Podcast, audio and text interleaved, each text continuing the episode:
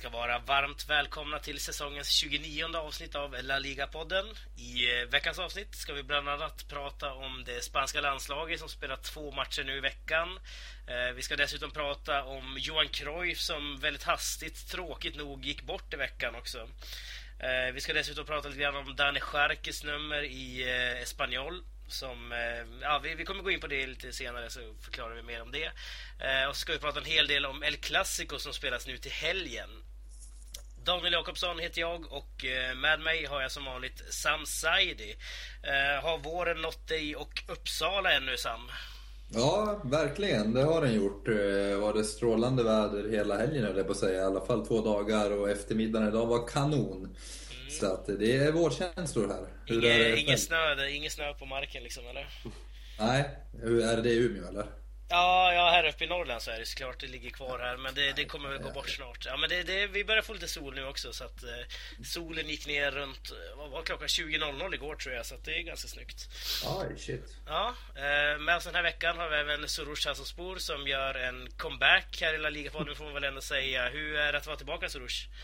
Eh, det är ganska skönt. Jag, jag har ju också kämpat lite med förkylning och allergi så jag ska kämpa mig igenom den här podden. Ja, just det. Är det gluten tänkte jag säga.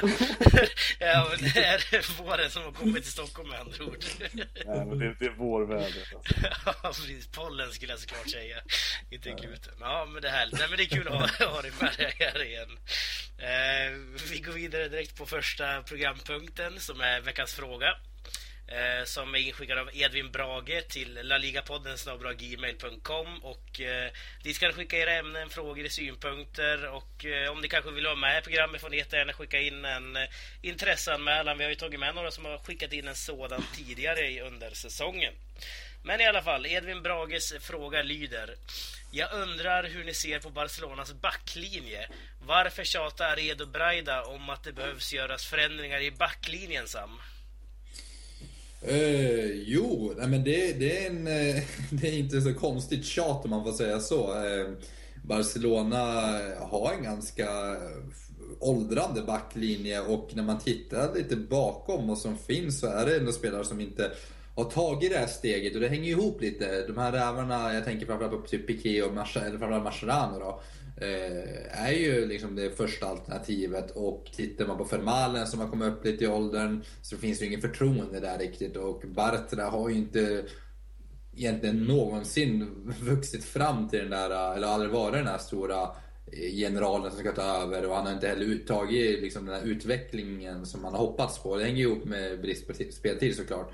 Um, så att det ser ju lite, ja, om man ponerar att Mascherano försvinner då står man där med en åldrande Mathieu som kanske inte heller har rosat marknaden. Men det är absolut inga dåliga spelare, men framtiden har ju definitivt sett bättre ut eh, när det kommer till Barcelonas eh, backlinje. Men då tänker jag framförallt den centrala delen.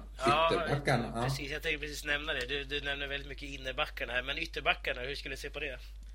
Eh, där ser det ändå lite ljusare Jag menar Jorge, eh, Jorge, eh, Jordi, Jordi, Jordi Alba är ju ändå 89, så alltså han är ju för, han är 26, fyller 27 år. Så han har några år att, att ge där fortfarande. Eh, Adriano kommer upp i åldern, bra backup fortfarande. Dani Alves har ju fått sin naturliga ersättare i Vidal. Eh, så det känns ändå lite ljusare där, även om det behövs. Så här har man ju tid att fylla på från akademin, för de har några år att ge. Men sedan när man tittar liksom på centrallinjen, där är det liksom Piqué som kommer hålla förhoppningsvis ett tag till. Sen är det ganska tomt. Ja, precis. Om vi bollar över frågan till dig då, Soroush. Um, hur, hur, ser du på Barcelonas backlinje och uh, håller du med att det ska fortas, fortsättas tjatas på den här backlinjen? Jo, men jag håller, jag håller helt klart med. Och sen, sen ser man över Barcelonas transferhistorik över senaste åren så är ju backarna egentligen lite svarta fåret där. Vi, man, Barcelona har ju egentligen varit ganska klockrena med sina offensiva värvningar men ja, över senaste kanske 6-7 åren och även Laportas era så har det varit några katastrofvärvningar. Alltså, nu i och för sig Vermaelen inte den sämsta värvningen kanske i slutändan men den första säsongen var ju helt usel. Och sen går man längre tillbaka så, vad hette han då? Shiginski eller fan han hette. så de har ju haft några sådana namn som har snurrat och och trots att man har pengarna så har man ju missat några ganska stora värvningar i Thiago, Thiago Silva, Marquinhos och så vidare. Mm. Precis, det snackades ju om Daniel, Daniel Agge för några år sedan också minns jag. Eh, hamnade i Bröndby istället så det var kanske lika bra det nästan. Men eh, Sam belyser ju här mittbackarna som det största problemet. Håller du med om det Sorush?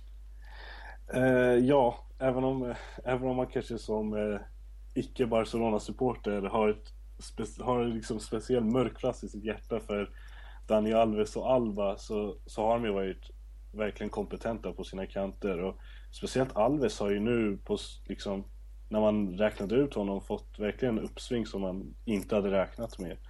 Så de är absolut säkra på kanterna, det tycker jag. Mm. Härligt. Eh, då tror jag vi har svarat på den frågan ändå, Edvin Brage. Om du inte tycker det så får du gärna skicka in ett mail så följer vi upp det kanske i framtiden här. Eh, men vi går vidare och eh, jag tänkte att vi skulle snacka om det spanska landslaget som nu har gått två matcher i veckan. 1-1 mot Italien och 0-0 mot Rumänien. Det är förvisso träningsmatcher det här, men å andra sidan så är det ju det första genrepet inför eh, EM i sommar då och man tar alltså, gör ett mål på två matcher, kryssar båda. Eh, hur, hur, ser du på matcherna Sam? Ja, man har lite blandade känslor. Det känns som att Spanien för en gångs skull, eller vad säger inte gå in i ett mästerskap som favoriter. Det var länge sedan. Eh, och jag tycker att de här två matcherna är väl ett, eh, ja, eh, kan kanske svara på den frågan ganska klart om man analyserar dem. Både resultatmässigt men också spelmässigt.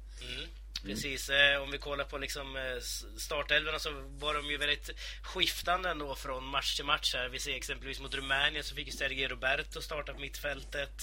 Eh, Casillas fick stå i målet och så vidare. Barca startade som mittback. Hur viktiga tror du de här matcherna är, Strush, för det spanska landslaget inför EM här?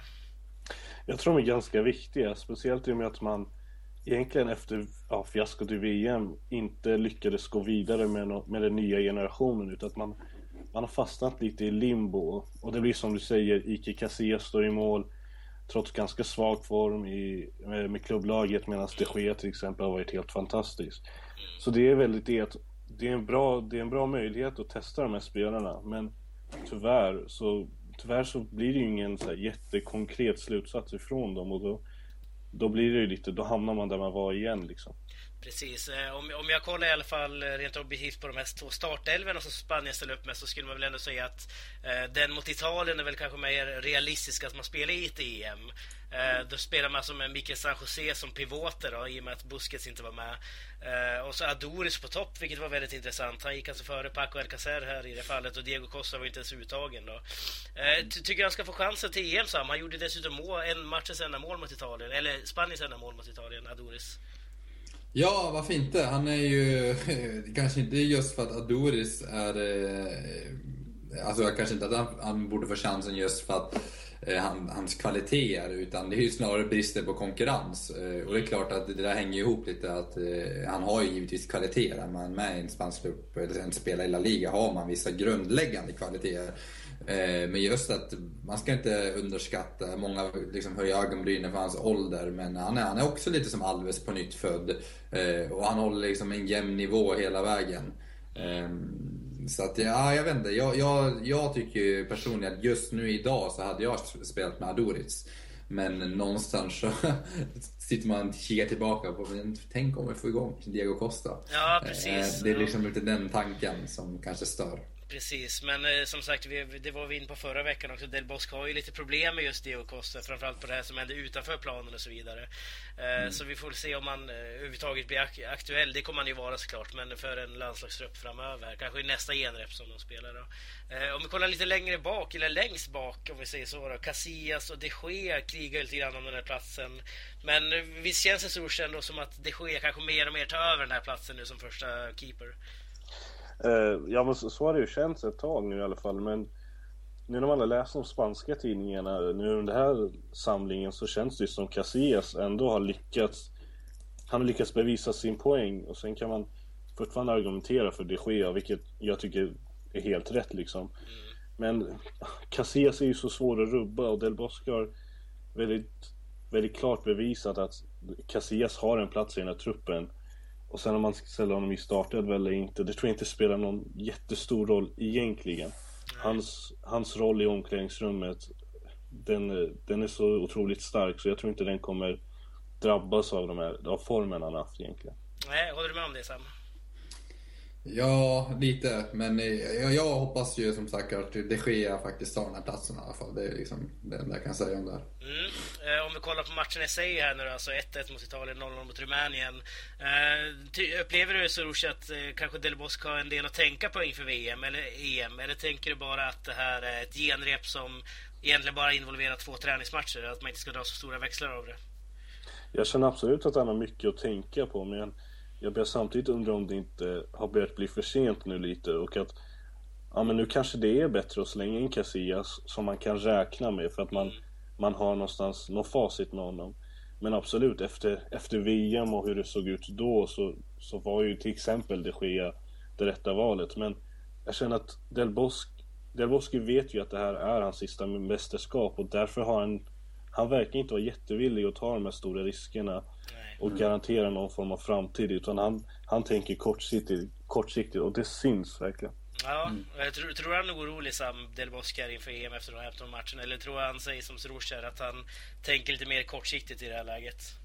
Nej men det, det ja, definitivt att man tänker kortsiktigt och grejen är att eh, det är det som är problemet. Att Del Bosque, han lever lite på lånad tid just nu. Han ska ju inte vara kvar där. Det har vi sagt ända sedan vi startade den här podden hösten 2014 efter VM. Att eh, vi håller på med generationsväxling men ändå är Del Bosque kvar. Så det här är ju ett arv från det gamla Spanien och då är det lätt att man eh, blir lite konservativ när det närmar sig mästerskap och att eh, man vill ha liksom, kortsiktiga lösningar. Och det kan vara bra ibland. Det kan räcka långt ibland. Men det kommer ju inte vara bra för det spanska landslagets utveckling såklart. Det gäller att hitta den balansen mellan spelare som kan prestera nu men också att det finns liksom ett, ett långsiktigt tänk. Och den balansen har ju Del Bosque inte alls kontroll på. Nej, men tycker du att man som, eh, om vi säger de eh, invånarna i Spanien eller andra människor som håller på Spanien runt om i världen, tycker du att de ska känna sig oroliga? Ska man dra stora växlar av 0-0 mot Rumänien exempelvis? Nej, det tycker jag inte man ska göra. Alltså både och. Lite är jag ändå orolig för Spanien. För det ett Spanien i, i stor form. Och när, liksom, när man tittar tillbaka på de the glory days helt enkelt. Då, då är, var ju det här liksom en uppvisningsmatch. Nu blir det ändå liksom, nu har Spanien problem med de flesta lagen. Eh, och till och med kanske mot de som anses vara blåbärsnationer. Precis. Ja, men mm. härligt. Eh, vi ska faktiskt runda av del 1 här nu och eh, när vi är tillbaka ska vi snacka El Clasico.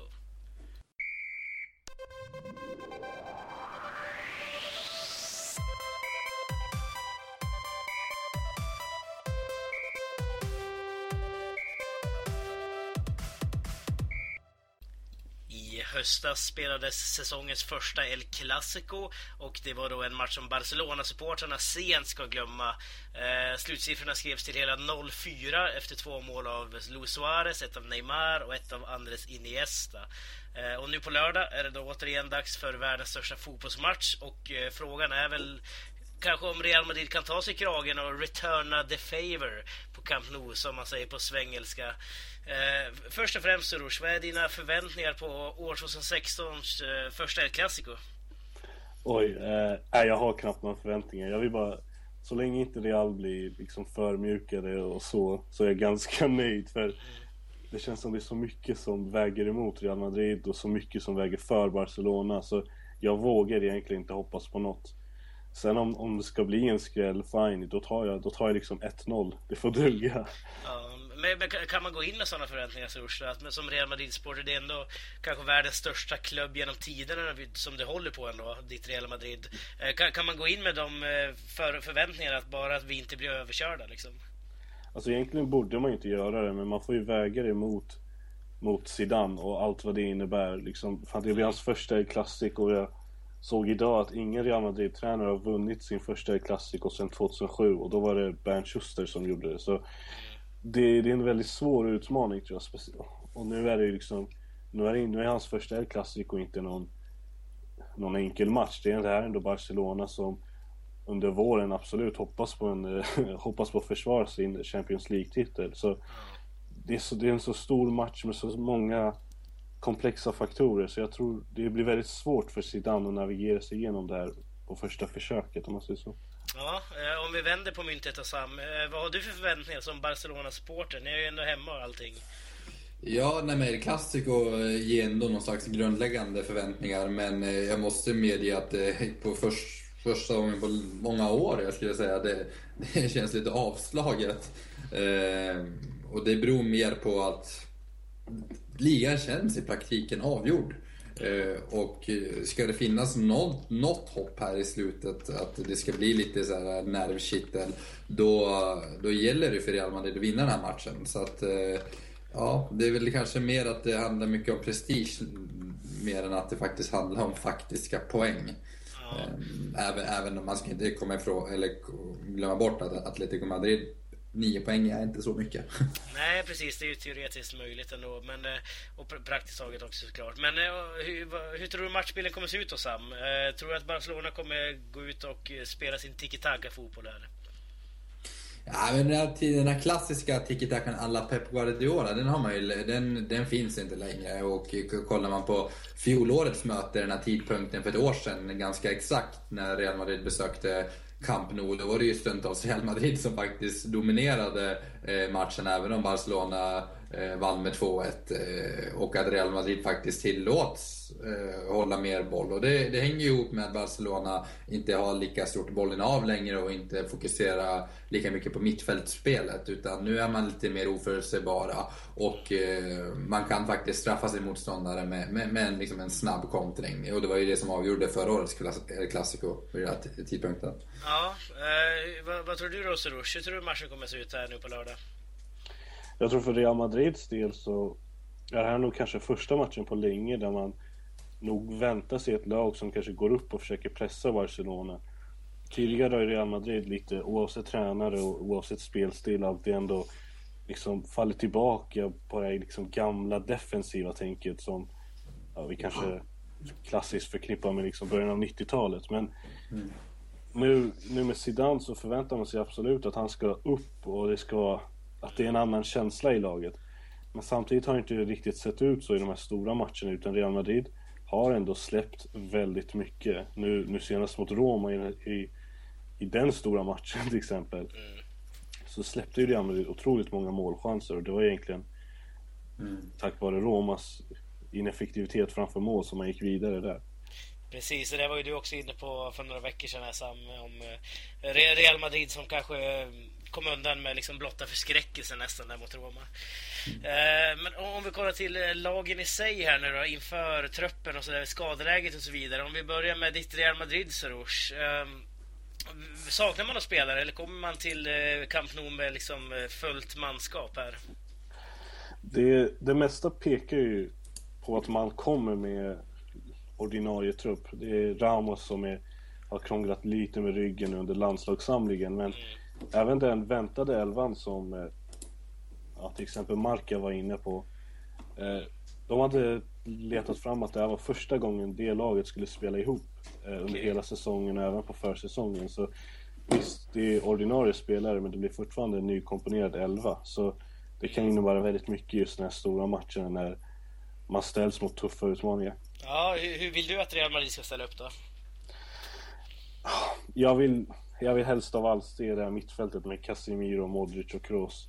Mm. Eh, det har varit ganska känt nu att både Isco och James kanske är på väg ut och att de är missnöjda med klubben och allt det där. Så, och deras form har ju verkligen inte varit positiv alls. Så jag ser gärna den där stabil, det där stabila mittfältet. Ja, eh, i Barcelona då Sam, hur ser skadeläget ut där? Är Andres Iniesta tillbaka exempelvis?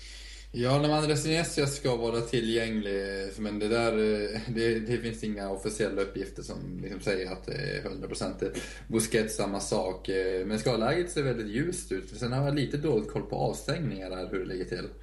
Eh, men, men eh, nej, skadeläget så ska det ändå se helt okej ut. Ja, eh, samma fråga som jag ställde till Serouche. Hur vill du att ditt Barcelona ställer ut sitt lag? Är det någon speciell spelare du vill lyfta fram? Uh, nej men det, ja, det kommer nog förmodligen bli, om alla spelare finns tillgängliga, så kommer det bli den här ja, favoritelvan som Enrique trots allt har med med i ligan Bravo då, och sen Dani Alves och Matti, eller Piqué och Mascherano, Alba, Busquets, Iniesta, Rakitic och trion där fram såklart. Um, ja, nej, men det är väl lite den jag hoppas på också. Det, det, den känns väl som den starkaste just nu. Ja, eh, jag tänkte lite grann som på förra klassikot så lyfte vi fram Sergio Roberto väldigt mycket. Eh, som var som en mm. joker i leken lite grann. Förvisso för att Messi var ju skadad. Eh, men kan det vara något sånt som Enrique har i rockärmen den här gången också? Kanske inte just Sergio Roberto, men eh, jag sitter och funderar på... Man vet aldrig. Helt plötsligt har vi Vidal där i startelvan. Mm. Även om Alves är på nytt född. Men Alves har ändå fått förtroende i de här stora matcherna. Eh, men absolut, det, man, man, ska också tänka, beroende på hur det med Iniesta, kanske vi har en Arda Turan som kliver in, även om inte han har hittat sin form eller sin plats riktigt än. Så, nej, då, det, det, jag tror inte vi kommer ha ett sånt S i rockärmen den här gången. Nej, det blir två ganska förväntade startelvor med andra ord om jag ja. kan utläsa det ni säger här. Eh, om vi går vidare och snackar om Vicente del Bosque då, som eh, den gamla Real Madrid-managern har ju uttalat sig nu efter landskampen att Fifa-viruset är en myt. Det är ofta någonting som storlagen framförallt använder sig av, att spelarna kommer tillbaka, är skadade och de är ur form och så vidare. Eh, del Bosque menar snarare att eh, de här spelarna som kommer tillbaka från landslagsuppehållen kommer tillbaka bättre och starkare och i bättre form. Um, håller du med om det Soros? Tror du att det kan ligga någonting i det Del, Del Bosque säger? Det är ändå två lag här, Real Madrid och Barcelona, som har väldigt många landslagsspelare. Uh, nej, alltså egentligen håller jag inte med. Jag kan förstå att han har, han har en poäng där, för vi har ju sett ändå med, med spelare som kanske har haft det kämpigt i klubblagen som får gå, som får samlas med landslaget och ändå få den här uppåtsvingen. Eh, Bale tänker jag på speciellt förra året till exempel. Men det är så många skador de här spelarna får komma tillbaka med. Nu i veckan Ramos, men sen tidigare i Real Madrid haft Marcelo som åkte på en långtidsskada. Kedira gjorde väl också, James, Modric och så vidare. Så jag håller inte med, men visst, jag, jag förstår också vad han menar. Det, det, kan finnas något positivt i det här att låta spelarna vara iväg någon vecka och sen kanske ta tillbaka dem. Men det är så svårt att mäta det. Det blir, det blir inte så svårt att konkretisera det egentligen. Nej, eh, och det, det, här är ju ganska aktuellt också i och med att man tog ju upp det här i exempelvis media nu i Spanien att, eh, att det är väldigt konstigt att ett El Clasico ligger efter, direkt efter ett landslagsuppehåll. Eh, kan, kan du förstå Del Bosque, Sam? Uh, ja, jag förstår inte Del Bosque att uh, det här med Fifa-myrusen är nog ingen myt utan det är ganska rationella logiska slutledningar och förklaringar eh, varför eh, kanske vissa presterar sämre efter landslagsuppehåll och det hänger ihop att de andra lagen får ju längre vila såklart. Eh, det, är ingen, det är inga konstigheter. Det är, ju mer du får återhämta dig efter en tuff matchperiod och förberedning för match desto mer liksom, finns det större chans att fysiskt prestera i alla fall. Sedan kan man ju diskutera Eh, huruvida, om det blir för långt uppehåll så kanske man kan se någon fördel att man har fått hålla igång snarare och inte blir bekväm. Eh, men på den här nivån är det nog inte så. Nej, hur tror du att landslagsmatcherna påverkar just de här två specifika lagen då, som nästan hela startelvan spelar i landslagen? Mm, ja men alltså nu blir det ändå ganska jämnt. Det är, ofta brukar det ju vara att de här storlagen möter något lag som inte har någon landslagsspelare med, eller bara typ en eller två. Eh, och då kan det bli en skillnad. Nu är det ju jämnt ut. Så att, eh, visst, man kanske tappar lite i kvalitet. Att det kan påverka kvaliteten generellt i El Clasico på fotbollsplanen. Eh, lite trötta ben och så. Men det är i alla fall jämnt i det. Mm. Eh, två spelare som också är ganska jämna, eh, som man ofta jämför, det är ju Messi och Ronaldo såklart. Och eh, det, är, det är väldigt sällan vi går in inför ett klassiko och vi inte pratar om de här två giganterna ändå. Eh, Messi har ju gått ut i veckan här nu och sagt att han aldrig har jämfört sig med Ronaldo. och Kommer aldrig jämföra sig med Ronaldo heller. Eh, tror du på honom när han säger så, Soroush? Absolut. Jag tror dels att också att de är sjukt trötta på att höra just den jämförelsen. Men eh, sen, så blir det ju så svårt också att mäta det därför fotboll är Fotboll är en liksom lagsport och då det är, så, det är så ofta det där faller plats tycker jag, speciellt inför de här stora matcherna när det hypas upp om att det är Messi vs Ronaldo och bla bla bla. Så blir det ju sällan riktigt där, den explosionen liksom. Och då, blir, då är det ju det där lag, lagspelet som kommer in. Så jag kan förstå att han säger det, för det är så svårt att tillämpa det i fotboll tycker jag. Men sen, sen älskar ju media där och det är klart de kommer de kommer springa med det där varje gång. Liksom. Absolut. Eh, du är inne på laget här nu. Vem, vem tycker du påverkar sitt lag mest av Messi och Ronaldo? Vem bidrar mest till eh, exempelvis ett Clasico? Messi helt klart. Mm. Eh, samma fråga till dig då Sam här nu. Vad, va, vad, tror du om det Messi säger? Tror du att det är sanning att han aldrig ställer sig och jämför, eh, kanske kollar på Youtube-klipp Ronaldo vs Messi och så vidare? ja, det tror jag att han gör, att han sitter och youtubar Ronaldo vs Messi. Däremot så är det ju, ja, det, det är inte som att det är något främmande. Man är också, de är också människor, de följer också media till viss del. Eh, och hänger med diskursen helt klart. Så att det är klart att omedvetet eller indirekt så har de ju någonstans jämfört sig själva eftersom alla andra gör det. Det är inte som att de sitter isolerade från omvärlden. Um, så det har de gjort. Men däremot så tror jag definitivt att det finns ingen så aktiv jämförelse eller så här, någon relevant jämförelse för de är ganska olika spelare. Uh, jag tror kanske Messi kanske jämför sig med någon helt annan eller inspireras av en helt annan spelare från förr i tiden eller även idag. Ehm, och samma sak med Ronaldo. Så att jag, ja, jag tror att, som, som Soros inne på, det är någonting media byggt upp. Eh, just för att de också konkurrerar om Guldbollen så blir det en ganska naturlig grej att prata om. Och eh, ja, det är väl den, de, samma jämförelse som media gör, gör väl de själva också. Ingen djupare analys egentligen. Nej, precis. Det är lite paradoxalt att vi jämför de här också när vi egentligen ingen av oss är för den här jämförelsen. Men jag måste ändå ställa frågan till dig också då Sam. Eh, vem påverkar sitt lag mest av Messi och Ronaldo? Ja, jag, jag håller med. Så det är Messi som gör det. Och det beror ju på att han är en annan typ av spelare. Han är mer delaktig i spelet och har alltid varit det mer än Ronaldo. Han, har, han liksom är mer, har mer boll ofta än Ronaldo. Ronaldo är ju mer en box, eller i alla fall utvecklas det på slutet. En mer, han är en fantastisk målskytt. Som kommer in med rätt timing och vidare. Han är star stor och stark, snabb, skjuter bra liksom. Han har ju alla de attributen en klassisk forward ska ha. Men plus lite till faktiskt. Han är liksom det här facit på allting. Rent professionellt. Så att han är ju facit. Messi är ju något annat. Ja, men precis. Det, det, ja. Men de här målen ska ju göras också. Jag menar, det är ju ingen slump precis. att det är Ronaldo som gör dem heller. Eh, så att, eh, du tror inte att han kan vara superviktig för ditt Real Madrid ändå, Soroush? Alltså, eller är det någon annan spelare som du tror kommer vara viktigast för ditt Real Madrid på lördag? Jag tror många går och hoppas på att det, det blir Bale eller Benzema som kanske tar det extra klivet och verkligen kliver in i rampljuset nu den här gången. För det har varit ganska bisarrt egentligen att se diskussioner kring Ronaldo de senaste månaderna bland Real Madrid-fans. Många undrar om, man, om, man, om laget inte ens spelar bättre utan honom. Så det, det blir så svårt att se det. Men det är klart, Ronaldo har ju Ronaldo har ju verkligen den här förmågan att skicka fram de här liksom budskapen i de här stora matcherna. Så det hade inte chockat mig om han klev fram, men det är klart man för framtiden hoppas på att någon annan kan ta över den manteln. Ja, eh, lite kort till dig också Sam. Vem vill du, eller vem tror du kommer kanske fälla avgörandet för ditt Barcelona om de skulle gå segrande? Är det Suarez som förra gången? Ja, Suarez Neymar, grejen är att Messi, nu, han har inte det där eh, ansvaret som han kanske hade haft för två år sedan. Eh, den viktigaste spelaren i Barcelona idag skulle jag nog säga kanske Sergio Busquets. Messi var ju inte ens med förra Clasico, då går man, kliver man in och vinner med 0-4 på Bernabéu. Eller han kom in i och för sig där i andra halvlek. Eh, men han var i alla fall skadad och inte så jättedelaktig i det.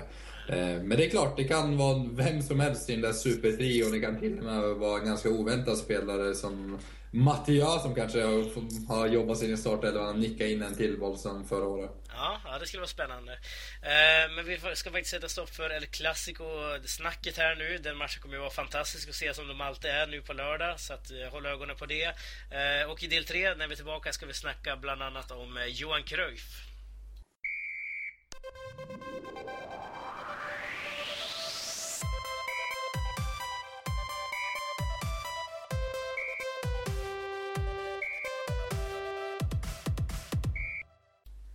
Det var i torsdags som vi nåddes, nåddes av den tragiska nyheten att eh, Johan Cruyff somnat in i cancer och lämnat våran värld.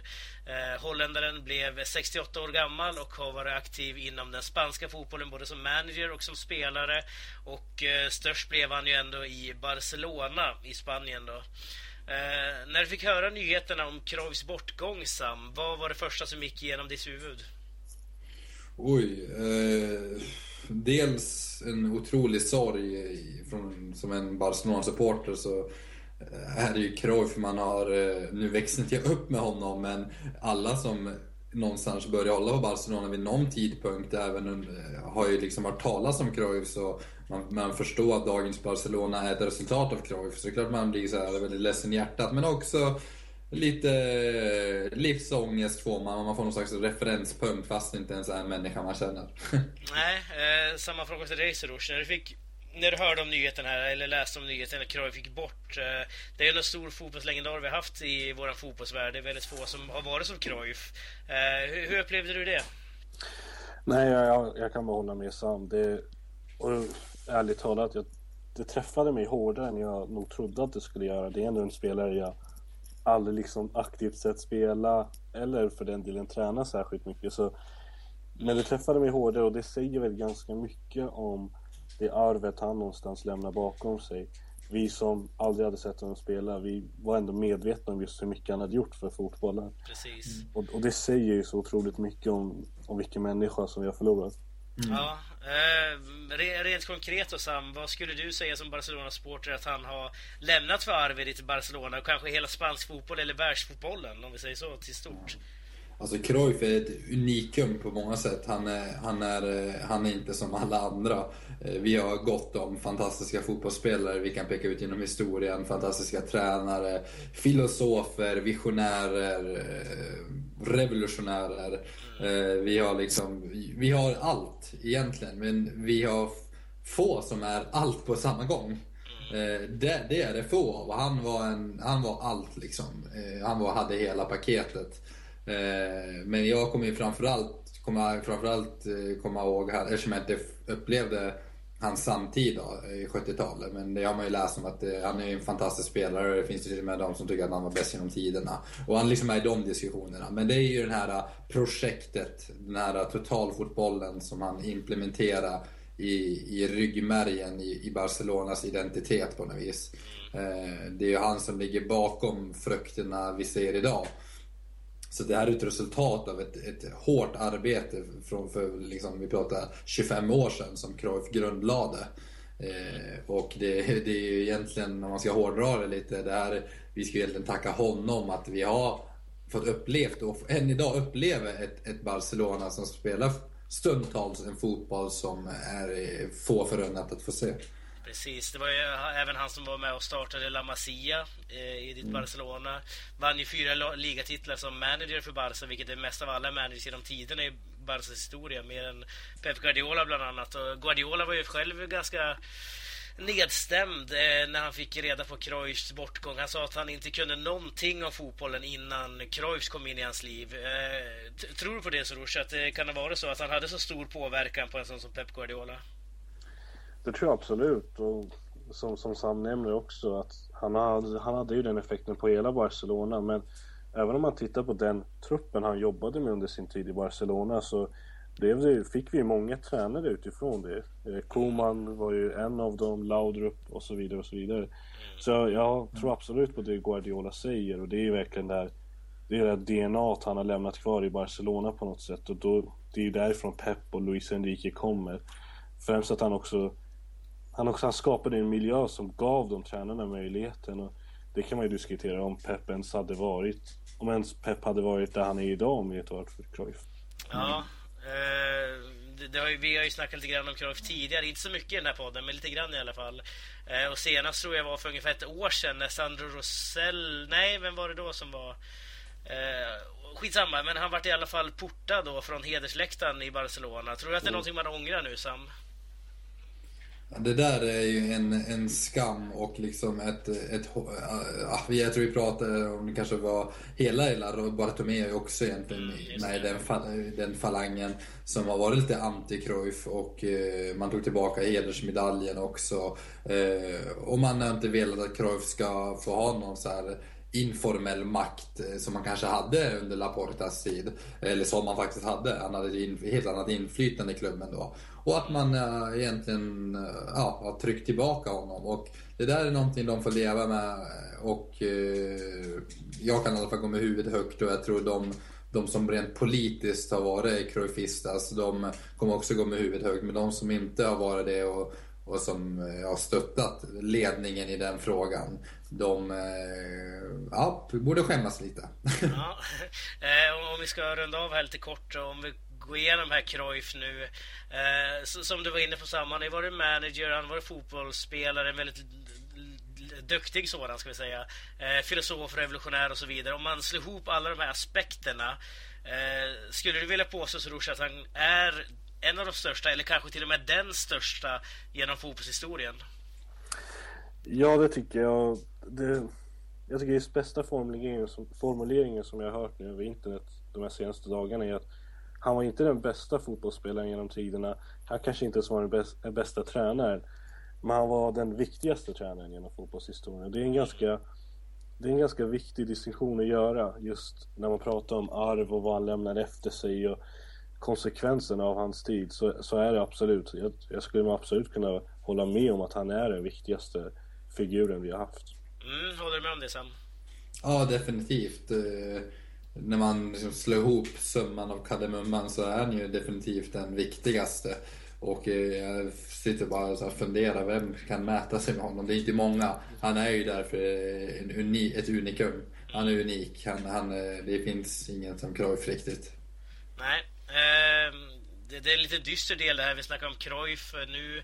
Och nu tänkte jag att vi ska gå vidare till Danny Scharke som gick bort för några år sedan i eh, Espanyol då. Nummer 21 bar i hand på sin rygg. Och eh, Espanyol har ju nu faktiskt gått ut i eh, media och eh, offentligt och sagt att till nästa säsong kommer man låsa upp nummer 21. Det har varit ett låst nummer tidigare. Eh, för att eh, akademispelare och unga egna talanger ska kunna få bära den här eh, det här tröjnumret i och med att de ser, många talanger ser Sharky som en stor eh, idol. Eh, de kan utvecklas av att bära hans tröja och kanske få hyllningar och eventuellt bli en sån som Sharky blev. Eh, spontan tanke om det Sam? Jag har inte så många tankar om det förutom att Ja, men det är fint. Det, finns, det är en fin tanke också, även om jag gillar ju lite nostalgiskt. Eh, att, att man liksom låser numren för, för alltid. Men eh, det här är väl ett annat alternativ som också är väldigt fint. En fin hyllning. Ja, eh, tycker du om att man låser upp den här, det här numret och att man eh, ska använda det till en akademispelare exempelvis? Ja, men just att man begränsar just till akademin, det är ju det som gör det fint. Hade man bara låst upp det bara för att blåsa upp det, då hade man kanske tvivlat lite på moralen. Men eh, just nu så känns det ändå helt okej. Okay. Ja, eh... Men det, får, det är kanske en Espanyol supporter har lite tolkningsföreträde i den frågan känner jag. Precis, får väl ringa Per Isaksson eller någon som får han snacka om ja. det. Eh, men eh, samma fråga till dig då Soroush. Vad, vad, vad, tycker du om det här? Varför tror du att Espanyol låste numret till, eh, till att börja med om man sen ska låsa upp det? Ja, det, är en så svår fråga att svara på när man själv inte har den här personliga kontakten med spelaren eller klubben. Men jag tänker mig att det också kan vara skönt kanske att gå vidare på något sätt. Att man, att i hela den här sorgeprocessen, att man har liksom, man har bearbetat den här fasen, nu kan nu ta man nästa kliv. Och sen visst, alltså det var ju otroligt tragiskt men det blev ju så vackert också hur de här hyllningarna han fick i ligan men också i VM-finalen och även EM-finalen med Fabregas. Så, såklart jättetråkigt och otroligt tragiskt men det fick sig någonstans ändå ett fint slut tycker jag och det kan vara det kan vara tid att gå vidare nästan. Ja, eh, så du, du, tycker i alla fall att det är bra att Espanol låser upp det här numret och gör det aktuellt för exempelvis akademispelare? Absolut, ja, speciellt just det här med akademi, just twisten på det hela. Det tycker jag, det tycker jag ändå är fint på något sätt. Ja, härligt. Eh, väldigt kort tänkte jag här innan vi börjar gå in på de sista grejerna. Eh, att snacka om det galiciska derbyt. Eh, väldigt, väldigt kort tänkte jag att vi tar det. Eh, det är ju inte bara El Clasico som spelas utan det är ju faktiskt galiciska derbyt som kanske är ett av Spaniens största. Det är ju ett av Spaniens största derbyn. Hur tror du att det här går Sam? Oj, eh, shit, det har verkligen hamnat i skymundan måste jag säga, min ja. analys. Eh, vi, vi är Celta var hemma här. Det är Celta som är hemma. Eh, ja, men det blir en häftig tillställning. Det är häftigt, som jag sa inför förra mötet i höstas, att det är häftigare på många år eftersom det har gått ändå helt okej okay för båda lagen. Ganska bra för båda lagen i år. Mm. så att, ja men det blir en match man definitivt ska följa eh, under helgen och jag tror Celta tar det där. Du tror Celta, ja det här är en match som är ganska direkt efter en klassiker också så den kan man ju gärna liksom kolla vidare på Viasat för att se den här matchen. Det tror jag blir häftigt. Ja. Men eh, Deportivo tog ju sin första seger nu för eh, 2016, Soroush. Eh, tror att det kan sporra Depor här nu som vann förra galiciska derby? Tror att man kan komma till Balaidos och kanske ta en poäng här?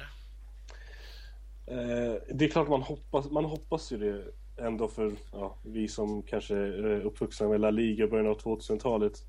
Vi har ju någonstans där det Debor i, i bakhuvudet så det är klart man någonstans hoppas på det men det blir tufft också för nu är man väl lite fast i det här mellanlandet där man där man är trygga från nedflyttning någorlunda och man har inte någon vidare känning på toppen så man, jag vet inte hur motivationen där riktigt ser ut ändå. Nej, precis. Eh, båda lagen är väl, eller i alla fall Deportivo framförallt, är ju ingenmansland. Celta Vigo krigar genom en Europa League-plats där. Det är ju väldigt jämnt mellan eh, Atletic, Sevilla och eh, Celta där. Upplever du som att Celta kanske har mer att vinna i den här matchen än vad Deportivo har? Eh, ja, lite så. Alltså Celta har ändå mycket, alltså båda har ju mycket att spela för någonstans. Men lite Celta är väl där och nosar på Europaplatserna, så varför inte? Mm, men vad, vad, tror du om det Soroush? Ja men det är det. Sen blir det så svårt att mäta sånt i just derbymatcher. Det känns som sånt kan lika gärna flyga ut ur fönstret liksom vid, vid avspark.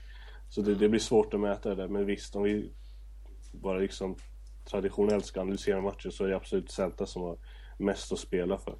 Ja, Härligt. Eh, vi börjar som sagt närma oss slutet här nu. Eh, tänkte att vi ska tippa veckans match och eh, förra veckan då så tippade vi landslagsmatchen Italien-Spanien, en match som slutade 1-1. Eh, Sami Klang som var med förra veckan eh, tippade 0-2 till Spanien. Jag tippade 0-1 till Spanien och Sam, du tippade faktiskt 1-1 i den här matchen. Eh, mm. Så du fick in ditt bett ännu en gång. Satt, satte du några pengar på det mm. förra veckan? Jajamän, 200 kronor. Så att det är bara att langa upp här. Ja, snyggt. Ja, alltså, alltså du menar mot jag, mig här? Mot dig och Sanne Klang Okej. Ja, det, det, det, måste jag ha missat någonstans ja. Eh, men eh, i alla fall, den här veckan så tippar vi då givetvis El Clasico. Eh, Barcelona-Real Madrid. Och jag tror väldigt sällan att jag börjar de här tippningarna, så jag tänkte att jag skulle göra det den här gången. Jag tippar då 2-0 till Barca, tror jag. Eh, vad tror du Soroush? Eh, jag säger 3-1 till Barca. 3-1 till Barca. Sam? Mm, 2-1 till Barca likt förra året. Ja, eh, så alla är överens om att det blir en hemmaseger i alla fall. Men det är bara jag som tror att Barca håller nollan med andra ord. Eh, härligt! Eh, Sam, ska du köra din eh, veckolista? Ja, veckans Trocero går givetvis till legenden och vår allas Johan Cruyff. Oavsett om han håller på Barcelona eller inte så är det ju en legendar som lämnar för hela fotbollsfamiljen. Och eh, han ska egentligen kunna få den här utmärkelsen vecka ut och vecka in. Men eh, det är väl kanske lite både tragiskt och fint att han får den nu när han har gått bort. Men ja, det gäller att passa på innan det är han hamnar helt i skymundan i de här sammanhangen. Precis, det är väl ofta så också när folk går bort. Det är väl först då man kanske uppskattar deras mästerverk som ja. konstnärer och eh, författare och så vidare. Precis. Eh, och Cruyff får väl någonstans hamna där mittemellan. Eh, ja. Veckans Faber då? Veckans Faber kommer det ut till Vicente del Bosque som är, ja, han har han har ju tappat det helt någonstans. Eller där gjorde han, han har inte tappat det helt, men han eh, är lite virrig känns som och han lever på lånad tid. Och Spanien känns väldigt oklara inför EM. Eh, den här generationsväxlingen har ju inte gått som jag har tänkt mig och det hänger ju mycket ihop med att, eller att Del Bosque är kvar. Eh, så att Spanien går in med osäkerhet inför det här EM-slutspelet och mycket beror på Del Bosque. Ja, eh, håller du med om listan Soroush eller någonting du vill lägga till? Nej absolut, jag har för mig att du gav veckans favorit till Del Bosque första gången jag var med också. Så jag, har för mig ja, det. Det kan nog stämma, jag tror han har fått ja. det två, tre gånger i alla fall. Ja, det blir landslagssamling då får Del Bosque påminna alla lyssnare vad han håller på med. Ja precis, och när det är lite så här ganska lugn vecka så brukar ofta Javier Tebas åka på veckans favorit har jag märkt. Ja precis, man googlar lite snabbt och kollar vad han ställt till med nu. Ja, han slänger ofta ut något uttalande här och där varje vecka. Ja. Eh, men härligt! Eh, tack så jättemycket för att du var med den här veckan Soroush. Det var jättekul att ha med dig igen. Tack för att jag fick vara med. Absolut. Eh, och tack till dig också Sam för att du var med som vanligt. Och eh, ni lyssnare får jättegärna skicka in era frågor, ämnen och synpunkter till laligapodden gmail.com och där kan ni även skicka en intresseanmälan om ni vill vara med, vilket vi alltid uppskattar. Det är alltid kul att få nya röster här i podden så ni inte tröttnar på oss i framtiden. Eh, men tack så mycket för oss. Hej då! Hej då!